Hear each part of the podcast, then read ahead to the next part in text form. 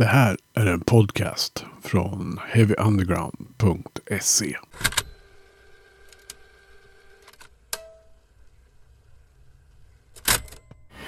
Det man gör när man brygger öl är att man ska göra en eh, sockerlösning som en gäst sen ska äta, äta sockret, tillverka alkohol och eh, kolsyra helt enkelt. Den här sockerlösningen gör vi från spannmål, malt, alltså eh, oftast är det mältat korn, men havre och vete funkar, och råg funkar utomordentligt bra. Då eh, krossar vi det först. Sen så blandar vi det med vatten, eh, som kallar de mäska. I en stor tank. Ja, det är den som du ser eh, innerst där. Allt går ju på automatik, så det är en kedjetransportör där som ta med den krossade malten ner och så blandas den med vatten i den tunnan där. Och där har man olika temperaturspann som gör olika saker. Det finns en enzymatisk eh, aktivitet som bryter ner kolhydrater och gör det till förjäsbara sockerarter och bla bla bla bla bla. Man gör sockerlösning. Sen för man över den till det här andra här som heter på svenska avsilningskar.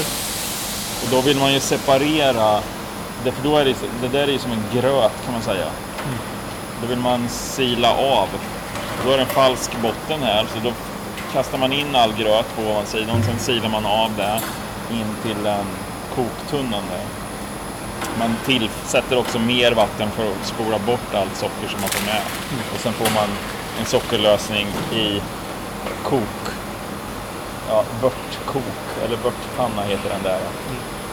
Och då kokar man den, gör man för att sterilisera vört givetvis, men också för att man kan tillsätta humle i olika steg för att utvinna beska. Eh, man eh, kokar också bort lite vatten så att man gör en starkare vört. Eh, och sen efteråt så slutligen så skjuter vi över det i en tangent kan man säga, alltså i vinkel in i det där. Så det där heter virvelkar på svenska eller whirlpool på engelska. Den snurrar. Eh, För det finns en massa fasta partiklar som vi inte vill ha med. Men om då blir det rent fysiskt så blir det ju en eh, samlas det i mitten, det sugs inåt. Så får den vara där. Och sen så efteråt så plockar vi ut det i sidan och kyler den med den där plattvärmeväxlaren där till en temperatur som gästen gillar, runt 20 grader. Och sen en slang ut till någon av jästankarna Ja. där vi tillsätter jäst. Eh, ett brygg tar väl kanske för oss sex timmar kanske från start till slut. Och vi, eftersom vi har fyra olika kärl så kan vi göra flera brygg per dag. För att när den är klar där så kan vi börja med nästa. Och så. Så, ja. och vi brygger, varje brygg vi gör, eh, arbetsvolymen är 2000 liter eller 20 hektoliter som vi säger. Eh, och det, det är väl här man kan pusha volym lite. Så att 22 någonstans hektoliter brukar vi fylla tankarna med. Ja, Ja. så är det. Så vilket industrijobb som helst. Ja men det är ju det. Det är ju det. Bara att, eh, ja, jag vet inte, jag vet inte varför det har blivit så här. Att, det- att det, är det är ju ett jätte, jättevanligt industrijobb helt enkelt. Sommar och sol innebär bra musik och något kallt och gott att dricka. Som en kall öl från Apex kanske. Och det var bryggare Niklas Lundgren som ni hörde prata där om sitt jobb som ölbryggare. För Heavy Underground har åkt till Örebro i den här säsongsfinalen, eller vad man nu ska kalla den, för att träffa Niklas som är en av två ägare till Apex Brewing Company. Och anledningen är inte bara att de gör god öl, utan att Apex på många sätt är som ett band eller ett skivbolag. Dessutom har Niklas en bakgrund i punkbandet 59 times the pain. Och vi ska prata en hel del om vad han har med sig från den scenen nu som företagare. Och det här är ett fantastiskt litet avsnitt som jag har drömt länge om att få göra. På grund av att det visar kraften i en så banal sak som ett band eller rockmusik. Det kan ta dig precis vart du vill. Om du bara följer din dröm och det är det jag vill berätta om här i Heavy Undergrounds podcast. Är du under 18 år så får du inte köpa det Apex gör. Kom ihåg det. Men då kan du lyssna på det här som inspiration till vad som kan hända om man gör saker och ting själva. Och det finns alltid alkoholfria alternativ till öl naturligtvis. Men nu över till bryggeriet i Örebro där vi ska prata öl. Do it yourself. Om vad punken har betytt. Om Systembolagets för och nackdelar. Om att förverkliga drömmar. Om att ta chanser. Att överleva en pandemi. Smaker, samarbeten, dolda och kulta symboler på etiketter. Att bli något man inte tänkt sig. Kampen mellan blått och rött och mycket annat. Så över till Apex bryggeri i Örebro. Niklas Lundgren. Yes. Välkommen till Undergrounds podcast. Tack så hemskt mycket. Vi befinner oss ju här vi, strax utanför Örebro i ett industriområde. Mm. Är jätteromantiskt. Ja, verkligen. Och Apex Brewing Company. Ja, ja. stämmer. Alldeles utmärkt. Ja. Alltså det, jag tittade, jag loggar ju all öl jag dricker. Nu låter det som att jag dricker jättemycket öl, men i Untapped. Och jag kan bara konstatera att vad Apex gör syns i min statistik. Ja, kul. Tack. Tack så hemskt mycket. Så det är lite därför jag liksom tänkte att vi måste ju prata om det här. Om ditt beroende? Eller om, om era goda öl. ja, ja, okay, ja. Sen finns det ju en liten musikkoppling här också naturligtvis. Mm. Ni har ju båda ett, som har varit med och startat det här ett förflutet i band. Så att yes. vi kommer att komma till det eh, lite längre fram. Men ni har inte varit här i Örebro så jättelänge? Nej, vi har varit här i ungefär ett och ett halvt år. Innan dess så låg vi i, en, eh, i, Nora, alltså strax norr om Örebro. Eh, 20 minuter kanske med bil.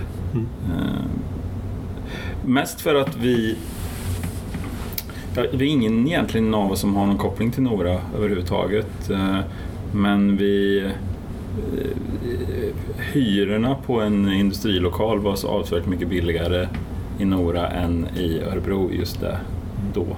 Så det var väl ett alternativ. Sen var det en massa andra underliggande faktorer också som att vi skulle egentligen ha tänkt att vi skulle ha köpt ett ett färdigt mikrobryggeri som var på väg att sälja där så att vi hamnade någonstans i den trakten och sen så drog de sig ur affären och då var ju vi så inställda på att vi skulle eh, bli ett kommersiellt bryggeri så då fastnade vi där någonstans.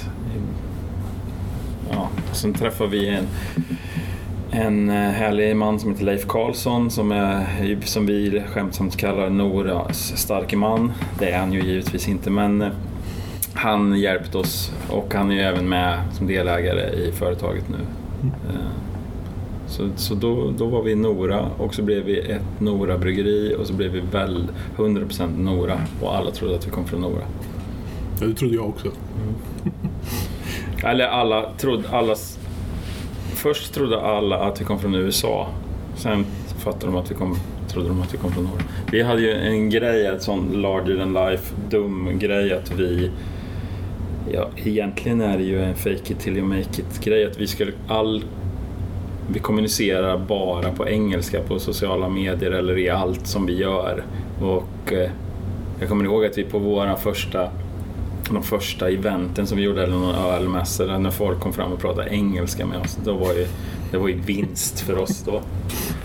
Men det är inte det lite det är ett smart marknadsföringstrick? Det är att göra sig större än vad man egentligen är? Va? Ja, tack så hemskt mycket. Ja, äh, ja det, det är skönt att du säger det, för, att, för jag ser det mer som att vi hade liksom ett, ett, ett storhetsvansinne utan dess like. Men det, kanske, det, det visade sig kanske vara en smart marknadsföring. Jag tror inte att det var tanken först. Mm. Vi ville nog mer bara att vi skulle vara som de, våra amerikanska förebilder. Och vi ville liksom bete oss som ett amerikanskt mikrobryggeri snarare än... För det, det finns ju liksom en, en, kultur i Sverige av ha, hantverksbryggerier eh, som är, jag vet inte, lite nedsättande kanske jag kallar dem knätofsbryggerier. De heter oftast ett geografiskt ortsnamn och sen hantverksbryggeri eller brygghus eller något sånt efteråt. Eh, och vi ville absolut inte vara det. Vi ville att, vi ville att platsen skulle vara sekundär. Jag menar, hur många, hur många eh, lagerrör säljer Örebro brygghus i Västerås. Jag skulle kunna tänka mig att det är exakt noll vilken Västerås köper en Örebrobärs. Så det var inte våran plan utan vi ville, vi ville egentligen plagiera ett amerikanskt mikrobryggeri. Men överhuvudtaget, hur kom ni in på det här med att brygga öl? Ja... I, om, man ska, om, om man ska försöka analysera sig själv så tror jag att nu kanske det låter lite analt, men om man, jag är ändå uppvuxen i någon sorts i liksom punkrörelsen. Eh, lite så DIY, fixar du spelning i din stad åt mig så fixar jag här och man gör saker själv. Och man, man, ja, det finns inget skivbolag som vill släppa det, då får vi släppa det här själva eller vi får göra en egen tidning för det är ingen tidning som vill intervjua oss. Och därför så, så var väl jag kanske extremt mottaglig för den här hipsterkulturen. Den har fått jättemycket skäll och den liksom så här, men ser man vad, vad det har bidragit till, kanske liksom ett utökad förståelse för vissa typer av mathantverk eller ökad förståelse för smaker, att allt måste inte vara falukorv och, och, och, och stuvade makaroner. Och om det är det så kanske du ska göra din falukorv själv. Eh, så jag, jag tror att jag var väldigt mottaglig för det där. Så jag höll på med massa sådana grejer. Och lite odla och lite sånt. Eh, och så blev det väl öl. Och vid den tidpunkten så var jag... Eh, jag, jag var varannan veckas pappa med en dotter och hade, bodde väl lite för... Jag bodde i en villa ett stenkast härifrån faktiskt, vilket ju är ironiskt. Eh, Så då hade jag varannan vecka var jag pappa och varannan vecka så var det liksom fritidsgård för vuxna. Så vi hade musikstudio i delar av vardagsrummet och sen hade vi bryggeri i källaren. Så vi skulle vara liksom självförsörjande på både, på både rock och bärs. Vi, det, vi, vi blev väl bättre på bärs än rock tror jag. Så successivt så vi, vi har det, jag och Daniel har ju fortfarande sedan den tiden ett black metal-band kvar som är, ligger på lite hårddiskar här och där. Men, men sen blev det bärs och sen så är det så en tacksam produkt för att man bara behöver, behöver bjuda några kompisar så tycker de att man är världens bästa människa. Så vi fick väl liksom, vi dunkade i ryggen där och folk ville komma och dricka de här ölen och sa att vi var mycket bättre. Jag fattar ju att de sa att vi var mycket bättre än vad vi är. Det, jag är inte så dum. Men där någonstans föddes det en idé. Jag vet inte hur det är, men det är någonting när män i en viss period, när man, man är 30 någonstans, då har man liksom åstadkommit, man har oftast ett jobb då, så man har både tid och man har kanske börjat eller klarat av, till viss del klarat av den här barngrejen om man nu ska göra den. Och då, då finns det både tid och pengar och, och hänge sig 100% åt liksom något särintresse. Det kan vara motorcyklar, det kan vara Gud, ja det kan vara allt. Och Det en kan, podcast. det kan det också vara. Ja.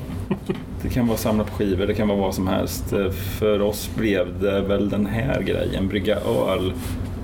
Jag har haft många sådana där faser när jag trillar ner i djupa hål och liksom, det här är det enda som jag är intresserad av. Det, blir, det är väl kanske något, jag kanske är något sorts, i något, befinner mig någonstans på spektrumet med, med just det där. Och, men ja, det känns lite som att man blir liksom nu kommer det låta rasistiskt, men det är inte det jag menar. Men att man blir japan, du vet att de går... Det, en japan kan inte göra något annat än 110 procent. Jag känner att jag är så där ibland när jag bestämmer mig för någonting.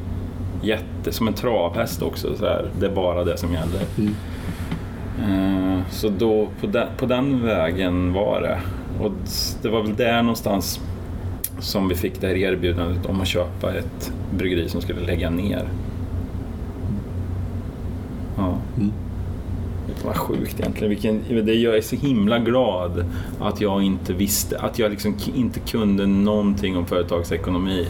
Att jag inte förstod mig på någonting, eller vilken volymbransch det här är, eller vad, hur snabbt saker kan förändras. Ja, men det var en sån härlig, ser jag nu, naiv, eh, naivt förhållningssätt till att starta företag kanske inte hade gjort det annars. Aldrig, aldrig. Om någon startar nu så ja, vill du vara med och starta ett, ett eh, mikrobryggeri? Nej. Det är för det går inte att tjäna pengar på. Nej. Ja. Var fick ni namnet ifrån? Alltså, vi... Det var, ju, ja, det var Daniel som kom på faktiskt, eh, Daniel Garcik, en av, av min parhäst. Han, eh, vi, skulle, vi visste ju att vi ville ha ett namn då som, var, som man skulle kunna säga på alla möjliga språk helst och inte vara en speciell plats. Även om det säkert finns något ställe i USA som heter det. Men, eh,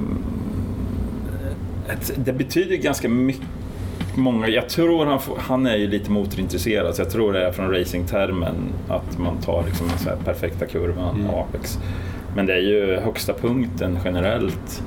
Eh, Det finns några tandläkare som har frågat om vi har tagit det från det för att tydligen är yt, rotspetsen på tanden heter Apex också tror jag. Eh, För, för, det, för oss var det nog mer att det var liksom Apex Predator, att man var högst i när... Ja, Ja. det är ju så jävla kaxigt och korkat så det är ju inte, inte rimligt ens en gång. Men så var det ju. Ja, det, det, det, man måste ju ha lite ambition liksom. Ja, jag har bara stuckit ut hakan skitlångt men än så länge har jag inte fått någon riktig smäll. Jag borde ju ha fått många fler i det här laget. Mm. Men ja, jag tänker på hur, hur liksom kom ni på... Jag tycker er öl, den har ju liksom en distinkt karaktär. Alltså, Mm. man, man känner ju igen smaken liksom. ja Eh, grundsmaken på något sätt. Hur, hur kom ni fram till det där? Vi, vi, vi var väldigt influerade av givetvis amerikansk öl och vi drack jättemycket eh, importerad amerikansk öl. Det var ju då, då handlade det mest om att man skulle ha, att iporna skulle vara så beska som möjligt. Det var något race där, att allt från ja, San Diego är väl någon sorts IPA, eller amerikansk IPA, alltså vagga. Så vi drack jättemycket därifrån.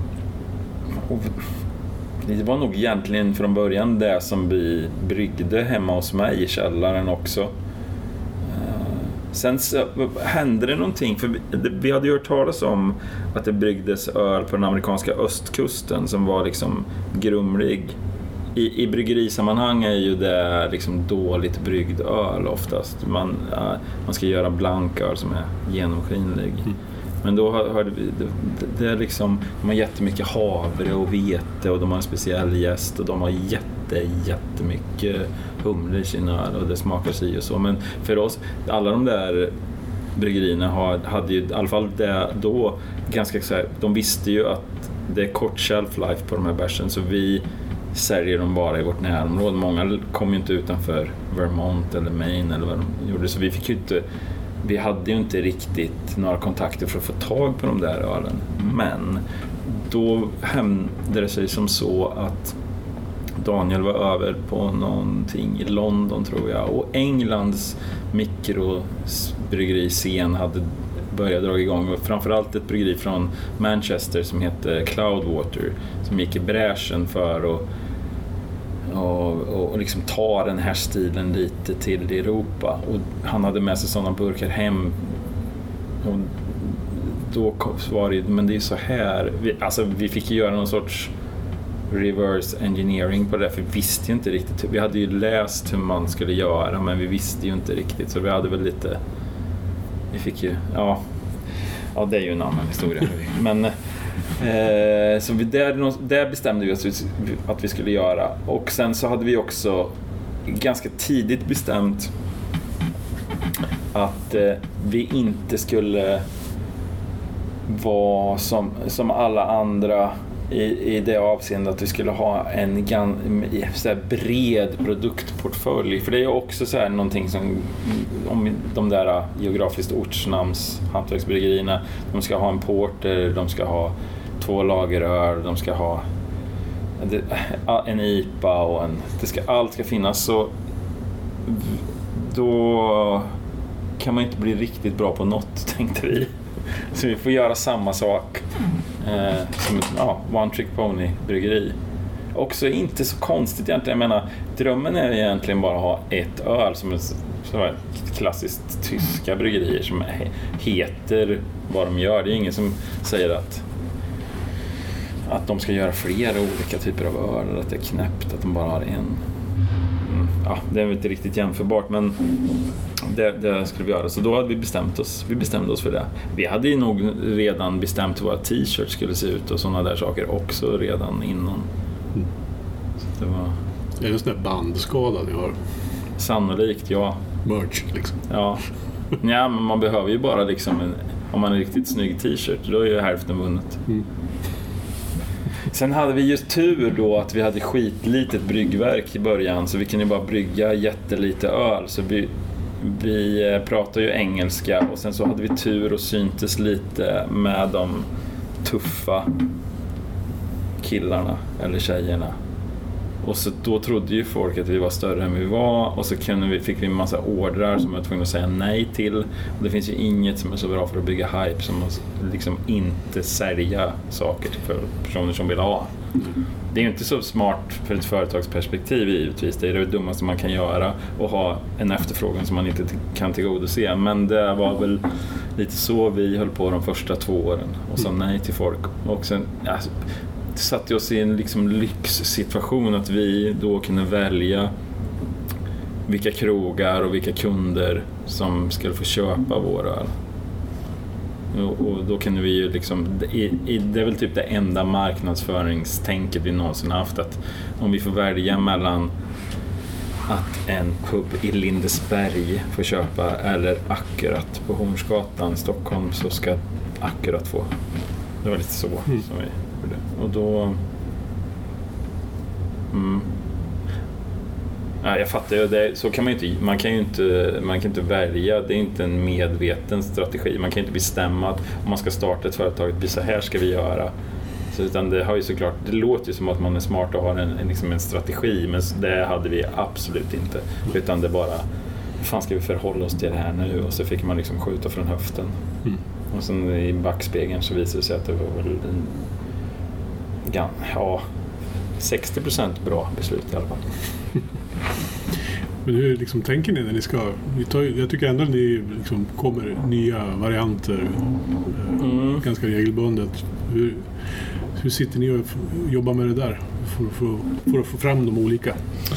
Ja, men det här är väl liksom som, som en musiker också. Man håller väl alltid på att göra en ny låt även om man inte har gjort klart den först, förra. Vi har, vi har väl massvis med... Ja, det, det är väl det här som är liksom...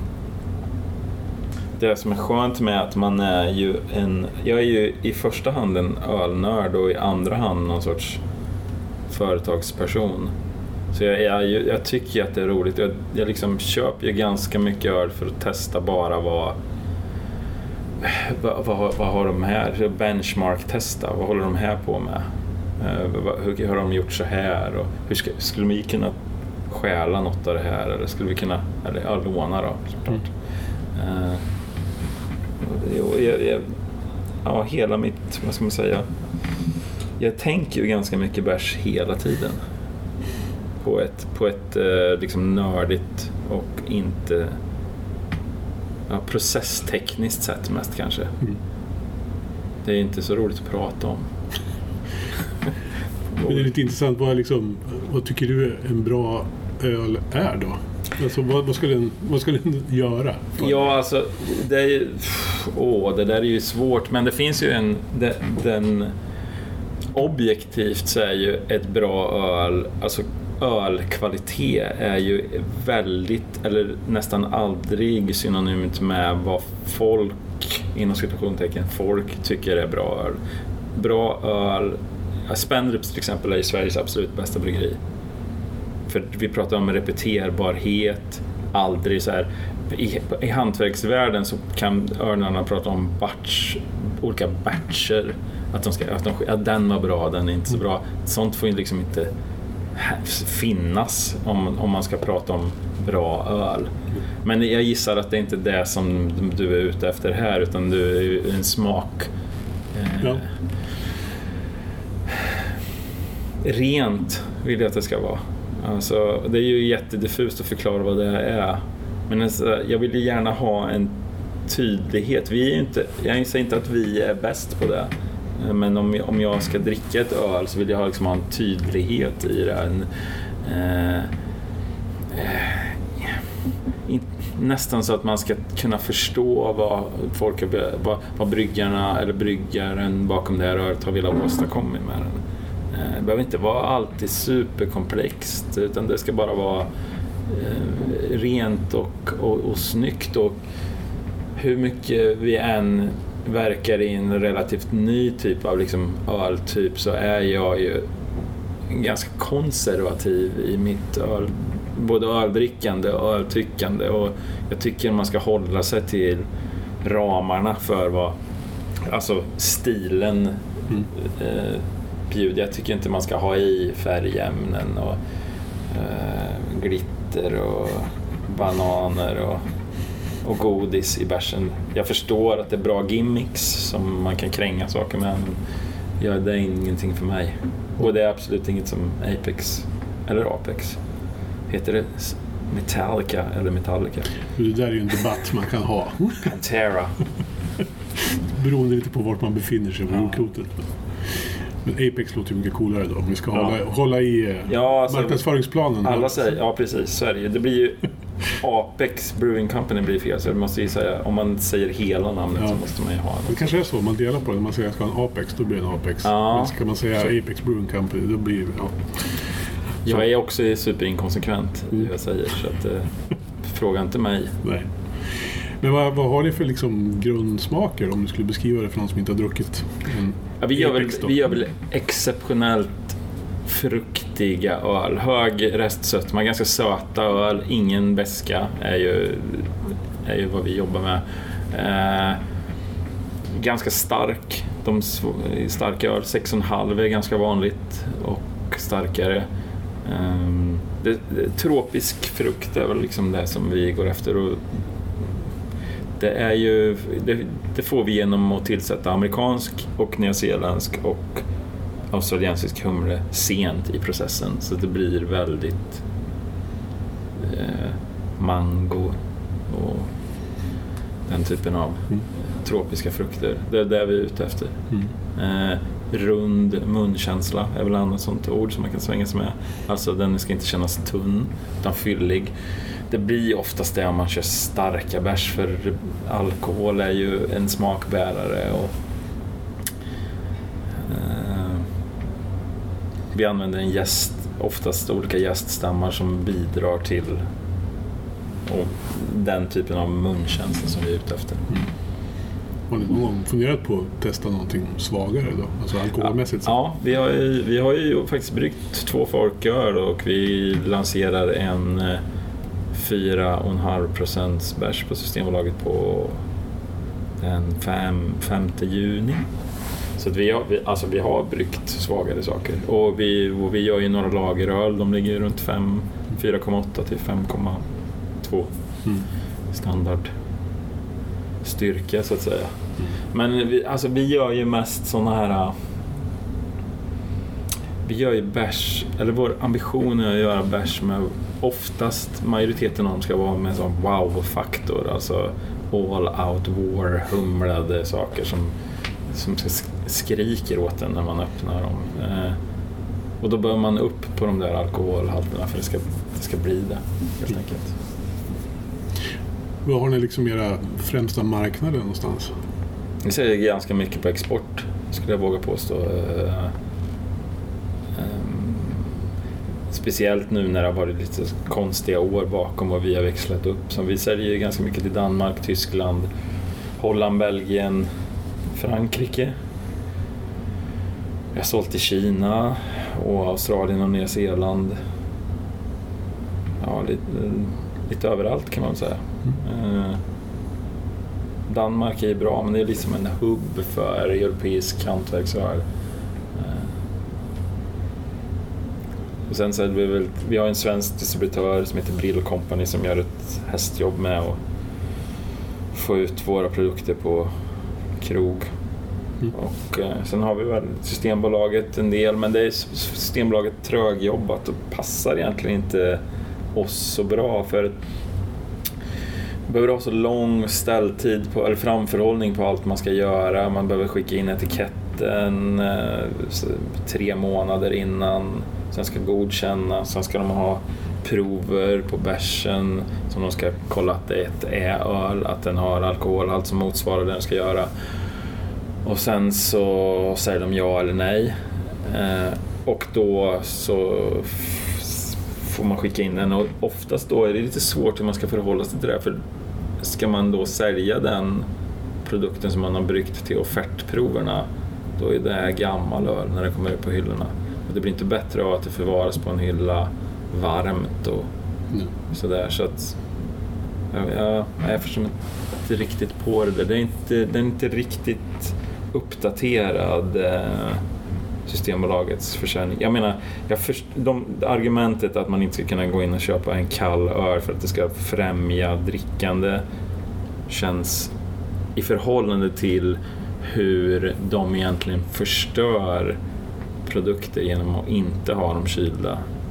Jag, jag, jag är inte riktigt med på... Ja, folkhälsan. Ja, jag fattar att, vi, att jag är uppvuxen i ett jävla spritland och att det här historiskt sett har behövts. Men vi är ju, ett, vi är ju mycket mer globala nu. Vi, vi får ju tag på grejer ändå. Jag vet inte. Men det är ju ingen som, det är ingen som gnäller för att de på de här flaggskeppsbutikerna har kylda vinkällare. Nej. Men att ha öl i kylskåp, jag vet inte. Nej, men som kund är det ju också lite frustrerande att det är lite svårt att alltså, få tag på i, i vardagen. Så där. Ja, ja och, vi, och de jobbar med massa olika sortiment så att vi kan få ju sälja till de tio närmsta här. Mm. Eh, och sen så är det, ska vi, ska vi komma in på fler butiker ska vi antingen ha en jättestor efterfrågan för vissa, som det har hänt i till exempel Fagersta och sånt, där vi har strongholds. Eh, men, eller så ska man vinna offerter som de skickar ut. Nu så eftersöker vi den här typen av öl som får vara så här starkt och ska smaka så här och oftast på slut det är slutklämmen att det också bara får kosta så här mycket och då funkar det ju inte med, för något svenskt hantverksbryggeri egentligen. Nej. Så att, eh, Det tar mig in på en annan sak. Jag tänker på det här just hantverksbryggerier. Det finns ju rätt många. det gör ju det. Ja. Eh, hur, hur ser du på liksom er konkurrens? Alltså, liksom, eller kan man prata om det? Alltså? Ja, det kan, man- alltså det, det, mm, det kan man göra. Och, och om man tittar tillbaka några år så var det som var så härligt med den här branschen, det var det som knyter an till den här DIY-grejen, att, att det, det finns en pre-corona ska jag säga i alla fall. Eh, fanns det väl någon sorts, det finns en härlig kultur att man hjälper varandra. Man, vi, jag kan ringa till till Örebro brygghus till exempel och fråga fan, har ni, vi har slut på de här faten, jag, jag köper nytt åt er nästa. Och det där funkar, det finns ju inte så många industrier som skulle göra så med Mm. konkurrenterna. Och, och det där, det var väl där som man också tilltalades lite av. Och det finns ju än idag, eller i allra högsta grad i vår, där vi verkar, något som heter liksom collabs. Det är väl det Split 7 kallar jag det. Eh, man, ja, man, gör- man gör öl tillsammans. Och det är väl klart att det där fick en liten törn när det började gå dåligt. Det funkar ju när en bransch är på uppåtgående. Alla tjänar ju på det och det var ju det, vi är ju över 400 registrerade hantverksbryggerier i Sverige nu. Det är klart att, att eh, det inte finns en marknad för alla. Eh, Så det är väl bara att vara bäst helt enkelt, tänker jag. Mm. Men börjar det märkas på något sätt? Alltså, det har ju Ja, varit, en, alltså, det det varit ju- en uppgång nu, men Ja, jo men det är väl någon sorts liksom, bryggeridarwinism nu som sker, som sker tror jag. Eh, det är ju ett par som har gått i konken. Vi, man har, vi har ju blivit, under corona så blev ju alla svenska bryggerier mer eller mindre räddade av Systembolaget som liksom köpte in allting. Så jag hade ju trott att alla skulle dö där och då, men det gjorde de inte. Men jag tänker nu om man har skjutit på skatteinbetalningar och man har liksom hållit sig vid liv för att man ska komma ut på andra sidan corona och sen blir det räntehöjningar och transport och logistik har gått upp jättemycket och råvaror, malt har gått upp 35 procent. De är inte riktigt rustad om man låg på minus innan. Så det är ju bryggerier som har gått i konkurs. mm. och det, vi kommer nog se fler under året. Mm. Jag tänkte det är ju lite bistrare tider nu också rent ekonomiskt. Ja, det är ju det och jag tror, men ja. Jag har ju liksom inget, ingen, inget facit för hur man ska, ska, klara sig i det här men vi, vi gör ju ganska dyr öl. Mm. Och, och jag någonstans tror ju att vår konsument Eftersom vi är så små också. Det, det funkar ju inte på om vi hade varit fyra gånger så stora. Då måste vi nå ut till en bredare marknad. Men nu har ju vi, vi har ju hittat liksom vårt folk på något sätt. Mm. Eh, och de, har, de befinner sig oftast på en plats i livet där man har råd att ta den eh, ökade kostnaden. Det är mycket till, det här låter ju som att jag håller på och, och romantiserar kring alkohol men det är ju inte nöj, det får väl gå under kategorin nöje då och det drar man inte ner på i första första. Man kanske inte går ut och äter Mm. men man kanske köper en lite dyrare vinflaska hem tänker jag. Mm. Ja, eller så är jag fortfarande så där naiv från när vi startade så att jag inte riktigt vill tro att det ska vara. Vi är i alla fall inte, vi har ju sett en liten nedgång givetvis. Men inte, inte så farligt som, som det borde vara för oss. Mm. Hur har det påverkat er som producenter? Jag tänker råvarupriser och transporter och även allt vad man pratar om. Ja, men vi, ja, det har ju såklart påverkat jättemycket. Vi har, inte, vi har inga bra marginaler. Det som var den utveckling växling som vi gjorde när vi flyttade från Nora och liksom mer än dubblade vår kapacitet, det gjorde att vi fick bättre marginaler på samma produkter som vi gjorde i Nora. Men de har ju ätits upp nu, så nu ligger vi väl på samma marginaler som vi gjorde i början. Eh, Så fortsätter det så kommer vi behöva höja priser. Men än så länge har vi inte behövt gjort det. Jag tänker bara för att knyta tillbaka lite till ditt förflutna som musiker och punken och sådär. Mm. Vad skulle du säga har du tagit med dig? Alltså, vi har pratat om DIY-tänket Ja. och sådär. Men vad, finns det någon annan liksom som lärdomar som du tog, gjorde då? Som du har tagit med dig in i det här? Eller attityder eller så? Nej, men jag tror att det är generellt liksom attityd, ett förhållningssätt att man, ska man få någonting gjort så får man göra det själv helt enkelt. Och det gäller ju allt från vad, vem, vi, vilka vi anlitar till design eller vem, vem vi, vem, vilka vi vill jobba med eller vilka vi vill, vilken, vilken råvaruleverantör. Det, vi, vi har nu låter det också helt horribelt men det är ju många gånger som de där vill vi inte jobba med. Av inte nödvändigtvis politiska skäl men ja, olika anledningar. Mm. Annars vet jag inte. Jag, jag är ju, var ju uppvuxen i ett extremt rött hem. Givetvis. Och eh, det, det känns lite som att jag, dock, att jag blir... Det här är ju en hemsk insikt som jag nås av med att jag känner att jag blir lite blåare för varje dag som går. Men jag försöker intala mig, jag har någon sån devisen eh, ja, men lev blått, rösta rött, det är lite så som jag kör. Att jag, förstår vad jag menar. Ja. Ja, jag vet inte vad mer jag har tagit med mig. Ja, men det är väl att man inte ska ge sig. Om man, liksom, vi, det här är ju en, en idiotisk affärsidé. Men, men vi hade ju bestämt oss för det nu. Så då, då ska vi för fan fullfölja det också. Lite som att ha ett band generellt. då. Ja, precis. Ingen gillar oss, men Mm. nu blir det en ny skiva ändå. Ja. Nej, jag vet inte.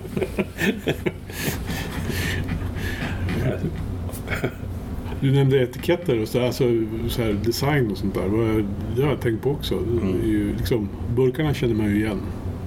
Liksom, hur jobbar ni med det där? Det är, ju, det är lite olika djur på Ja, nej, burkar. så. men vi ville ju ha mallade etiketter mest för att det var briljanta kompis Charlie Voice. Han sjöng i, i, i Daniels band Voice Generation. Han har ju han, han har ju han jobbar mycket med rörlig vad säger, jag, 3D-animerade inom reklam. Han är jätteduktig på det. Och vi visste ju att han, vi ville jobba med honom för att vi känner honom och för att han fattar om jag säger gör någon sån, vad kan det vara? Vi, vi har haft lite referenser till all möjlig black metal och grejer. Mm. Och då fattar han vad vi menar oftast. Så vi ville ha liksom en mallad etiketter som man skulle snabbt se på hyllan att det här var en en, en bärs från oss. Eh, och så skulle vi liksom... Det skulle vara någon... Från början tror jag det skulle vara att vi hade... Eh, jag kommer vad, vad fan var det vi sa? En, det ska vara som gotiskt blandat med en mexikansk taqueria. Så här, färgställningarna var ju rosa och så här, turkost. Det var ju väldigt mexikanskt. Och sen så skulle det vara liksom lite någon sorts hårdrocks estetik kanske mm. man kan kalla det. Nu, ja, nu har vi ju gjort snart 200 olika öl så att vi kan inte bara göra rosa och turkosa. Så vi har väl gått ifrån det där lite men det var grundtanken. Så ville vi, det var det enkelt. Från början hade vi inte trott att vi skulle göra så många verser. Vi skulle bara ha djur på. Så man, då kunde vi också ha jävligt konstiga namn tänkte vi. För folk kommer ändå bara säga typ geten eller mm. hästen eller sådär. Köper du med två kossor hem eller någonting sånt. Mm. Uh, nu har det ju spårat lite där också. Nu har vi både konstiga namn och så djur som man inte riktigt vet vad det är. Och ihopsatta djur har vi haft några gånger när det är djur som inte finns. Ja, det har jag noterat också. Uh, men vi låter han, han ha jävligt fritt. Jag kommer på, oftast jag eller Daniel kommer på namnen och så har vi någon liten bakgrundsidé med var det namnet kommer ifrån och så skriver jag någon liten sån text till Kalle mm. som han får spåra fritt utifrån. Ibland fattar jag inte riktigt, så ibland får jag faktiskt fråga vad, vad, vad fan menar du med det här? Mm. Varför är det en varför är det typ en fläskkotlett på den här? Sådana där frågor. Oftast har ju han, den sjuka hjärnan, en, en, en tanke bakom allt man gör. Så att det kan bli lustigt. Han, han hade ju också, det tog två år tror jag han gjorde etiketter två år eller något innan han eh, sannolikt lite salongsberusad förklarade fnissandes för oss att han eh, har eh, då sen starten smugit in okulta symboler i alla våra rättigheter. Om man kollar på de första vi gjorde då syns inte det. Mm. Och det går inte att se heller egentligen, inte ens om man riktigt vet. Men om man då har en högupplöst kan man zooma in typ skägget på en get så är det upp och nervänt kors eller så här 666 i ögonen. Han hade ju gått omkring i två år och njutit av att han såg dem där på Systembolagshyllan och visste. Det är så här, vilken tönt egentligen, fast det är roligt. Det är jätteroligt. Nu har vi, sen han berättade så har vi släppt det fritt. Så nu är det ju svårt att inte se alla de där symbolerna överallt. Men det, fan, det känns lite som det sista lite rumsrena grejen som man ändå kan väcka anstöt med. Det är väl liksom någon sorts den sista punken och speciellt för oss som är i Örebro som är som frikyrkligt mm. fäste så känns det som att det här kan vi kosta på oss och det här var det punkigaste vi kan göra just nu. Samtidigt en stad med stolt punktradition ändå. Ja, ja, visst är det så. Från början på vår logga hade vi dragit ner ett, ett, ett streck så att det såg ut som ett upp och nervänt kors i själva loggan men det blev för mycket rabalder kring så det fick vi ändra. Det är inte så att vi är satanister, det, är bara, det tycker bara roligt. Ja. alltså det, finns, det är också något jävligt starkt. Nu, låter det lite som kvasi-intellektuellt men det är något jävligt starkt med med den där typen av symboler. Det är laddat ändå, även om man inte tror på någonting. Nej. Och jag vet inte var det där kommer ifrån riktigt. Nej. Symboliserar väl bara liksom upproret mot gängse normer kanske, generellt. Ja, ja så, det var så vi tänkte ja. givetvis. Exakt så menar jag. Ja, vad bra. Man vill ju att gästerna ska känna sig liksom. Ja, förstådda. Ja, exakt. Jo, tack. Men vad har ni liksom för framtidstänk här? Och vad, vad, har ni några planer framöver? För nu har ni ju liksom expanderat väldigt ja. mycket och, och, sådär. Men ni har ju en bar i Stockholm. Ja, precis. Ja. Det var inte riktigt med i vår plan, det bara hände mm. faktiskt. Det var ju skoj. Mm. Det är jättekul. Uh, ja, det är ju ett sidospår. Mm. Det var så kul. Annars vet jag inte, vi har ju jättemycket, vi är ju inte ett sånt besöksbryggeri som Ja, du ser ju runt hur det ser ut här. Vi är ett strikt produktionsbryggeri, extremt osexigt. Bara rostfria tankar, inte någon mysig bardel och inte, inga rundvandringar, inga provsmaks, ingen, ingenting sånt. Vi vill bara liksom industriell framställning av maltdryck är det vi ska hålla på med här. Och vi, det är inte så roligt att snacka om men vi har ju jättemycket som vi kan förbättra. Både marginaler och volymer och det som på engelska kallas yield. Hur mycket vi faktiskt paketerar av det vi brygger. Så att vi, vi ska nog eh, vi ska nog fortsätta vara här. Kanske inte expandera något mer här utan vi kan göra nästan en, en tredjedel till mot vad vi gör nu med nuvarande om vi optimerar processer och sånt där. Så att mm. vi har mycket nörderi att hålla på med. Mm. Men ska vi väl fortsätta. Vi tänkte väl den dagen som man tycker att man är bra eller liksom bäst, det, då är det dags att lägga ner. Om man inte vill utvecklas så behöver man avvecklas och så och så. Eh, så att vi är, tycker väl kanske att vi är 70% bra nu. Vi har lite kvar. Ja. Eh, så att eh, om inte den senaste bärsen alltid är bättre än den innan, då har man gjort något fel. Så då får man gå tillbaks. Du har inte hittat den där sista perfekta än? Nej, det har vi inte. Vi, vi, har uppe, vi har uppe och nosat på 90-strecket några gånger med några. Men ja. Ja, ja nej, det, vi, vi har ju det här, hade du frågat mig innan vi flyttade hit så hade det här varit min storslagna plan. Att vi skulle, men nu, nu är jag ju jättenöjd med vart vi är och storleken på bryggeriet. Jag har nog inte...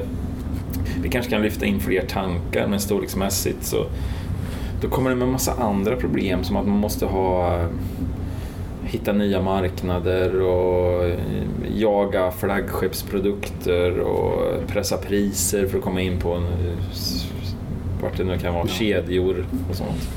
Och det, det är vi inte så intresserade av.